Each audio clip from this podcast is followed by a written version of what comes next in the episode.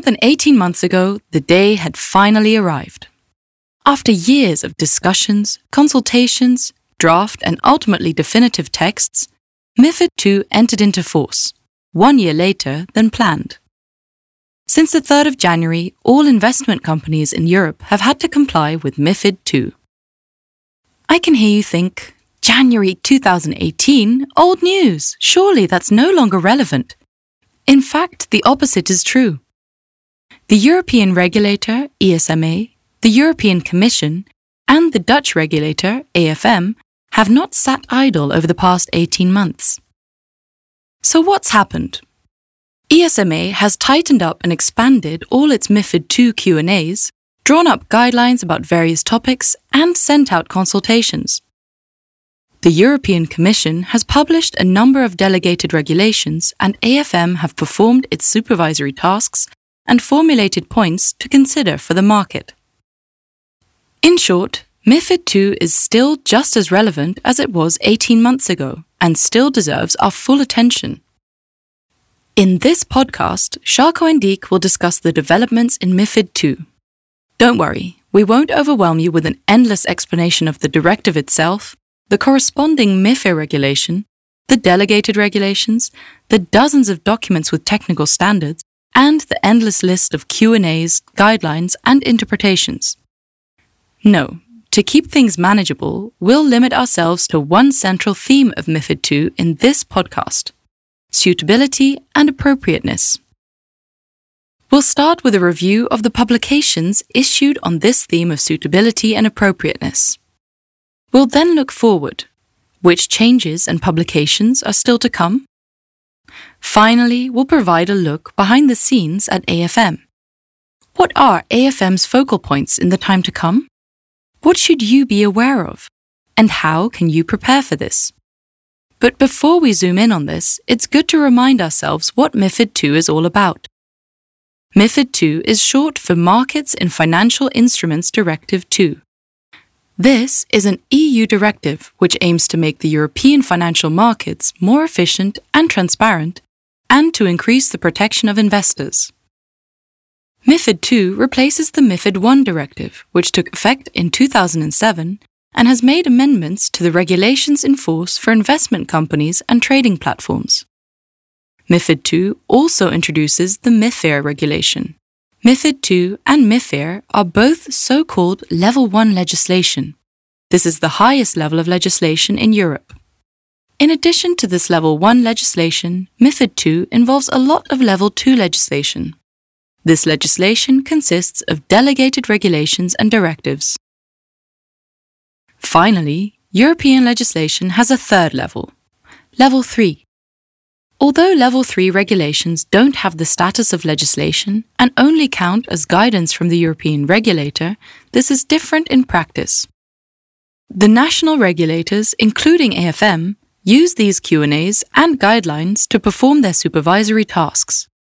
This means their content is important for you. The Q&As also help to solve specific matters of interpretation. Europe has not sat idle over the past 18 months with regard to level 3 in particular, and a large number of Q&As and guidelines have been drawn up. Well, now that you have a clear picture again of what MIFID II is all about, we can zoom in on our central theme suitability and appropriateness. Let's start with suitability.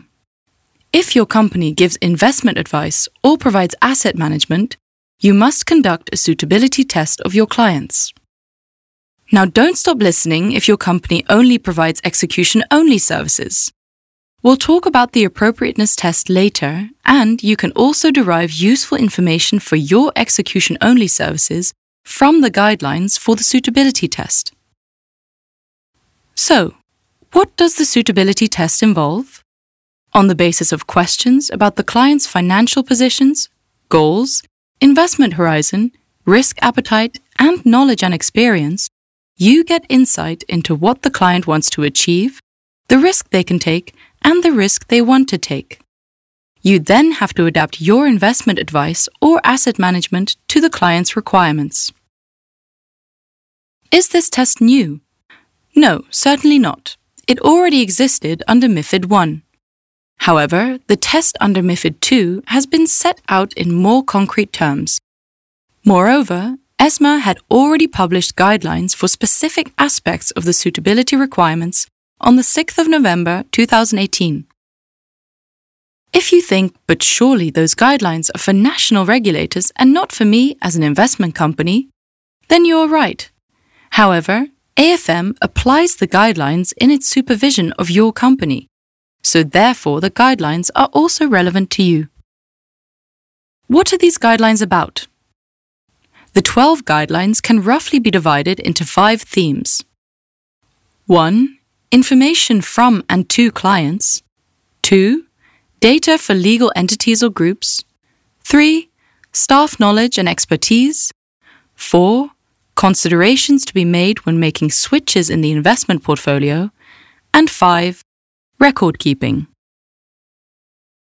Theme 1 Information from and to clients is relevant to guidelines 1, 2, 3, 4, 5, and 8. These guidelines are both about the information you get from the client and the information you provide. It must be clear to the client why they need information, what information they need, and when. It should also be pointed out to the client that providing honest, accurate, and complete information is for their own good.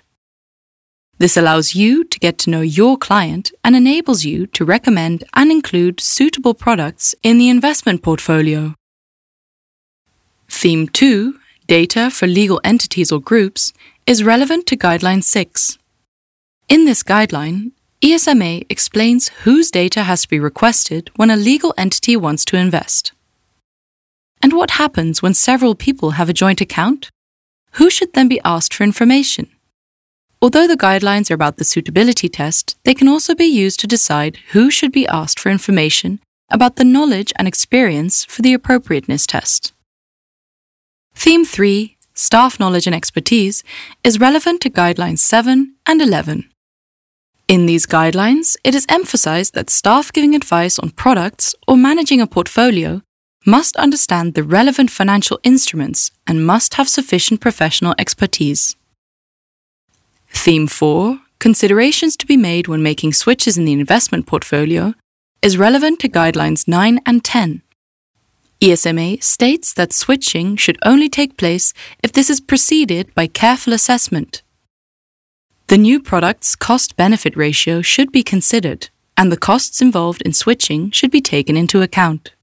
If the costs of switching do not counterbalance the anticipated return, it is, of course, better not to switch. Theme 5, Record Keeping, is relevant to Guideline 12, which concerns the careful recording of the received data. What should you do with these guidelines? We advise you to read them carefully and decide whether your suitability test is in line with these guidelines. Is this not the case? Then you can consider adjusting your test or at least giving a good justification for the reason why you have taken a different direction. That takes us to the next subject the appropriateness test. If your company provides execution only services, you must conduct an appropriateness test of your clients. On the basis of questions, you have to obtain information about the client's knowledge and experience.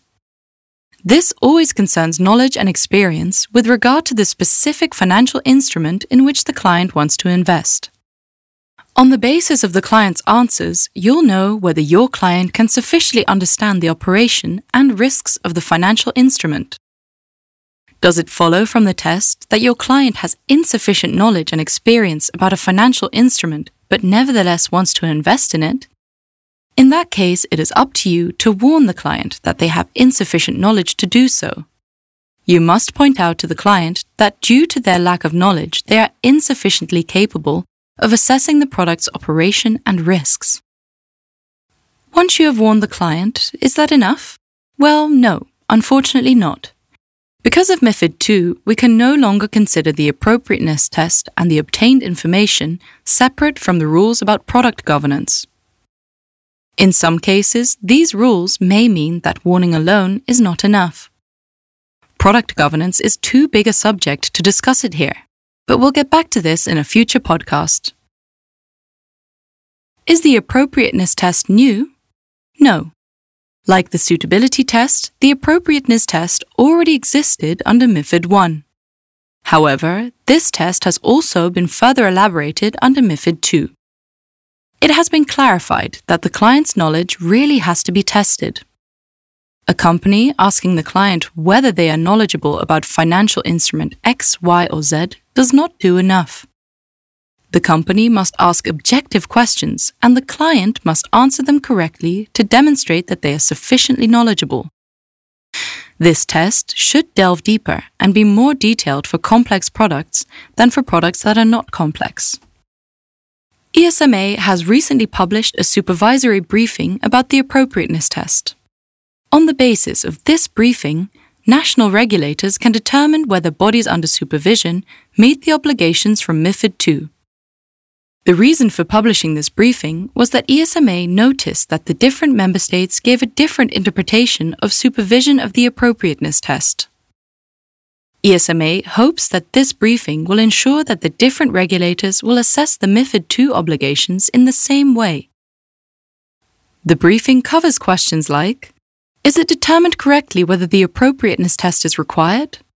Is the correct information obtained from clients? Is the appropriateness test conducted correctly? Are clients given the correct warnings? Do the staff have professional expertise? Are the records kept correctly? ESMA explains for each topic what should be done and how. We advise you to read the briefing and assess whether your test complies with the briefing's content. Again, we would like to add the briefing is directed at AFM, but AFM uses the briefing to supervise your company. Let's now continue with part two the future. What will it bring? ESMA has recently started an investigation into the different appropriateness tests in the member states.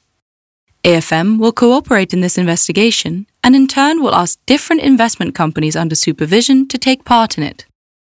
On the basis of the results, ESMA will assess whether additional guidelines for the appropriateness tests are required in order to improve uniformity in the European Union. So, this story is to be continued. Now that we have given you an update about the latest developments surrounding the suitability and appropriateness tests, we have arrived at the third and final subject of this podcast a look behind the scenes at AFM. Earlier this year, AFM made it clear in a press release that the transition of the MIFID II standards to practice is inadequate throughout the market with regard to a number of points. AFM is therefore calling on parties to implement improvements. Exactly what standards are concerned? According to AFM, companies have not yet sufficiently implemented the rules about cost transparency, product governance, transaction reports, and professional expertise. Let's have a closer look at cost transparency first. MIFID II has completely changed the landscape of rules about cost transparency. Since the 3rd of January 2018, every single detail of the costs has to be made transparent to your existing or potential client, both before the investment service is provided and afterwards. AFM has indicated that investment companies are currently not yet sufficiently transparent about the costs they charge. Moreover, the costs mentioned in MIFID II have to be specified in both absolute amounts and in percentages. This is not yet happening in practice. The costs must also be tailored to the client's individual situation, and the effect of the costs on the return must be shown. This is the only way in which an existing or potential client can compare the fees of different service providers. This takes us to product governance. This is a new topic introduced by MIFID II. Both the developers and the distributors of a financial instrument must have product governance procedures. What does this mean? In brief, you must define a target group and a distribution strategy for all the financial instruments you produce or sell, and ensure that the product is sold to the right target group. The products must be analyzed again in detail each year. According to AFM, Parties do not define the target group and the distribution strategy sharply enough, at least where execution only services and more complex products are involved. As a result, clients risk being offered products that are not at all suitable for them. As we said earlier, we will devote a separate podcast to product governance. Reporting on completed transactions already existed under MIFID I, so it's not new. What is new is that a lot more information has to be sent to the regulator. More than 60 fields have to be completed and reported.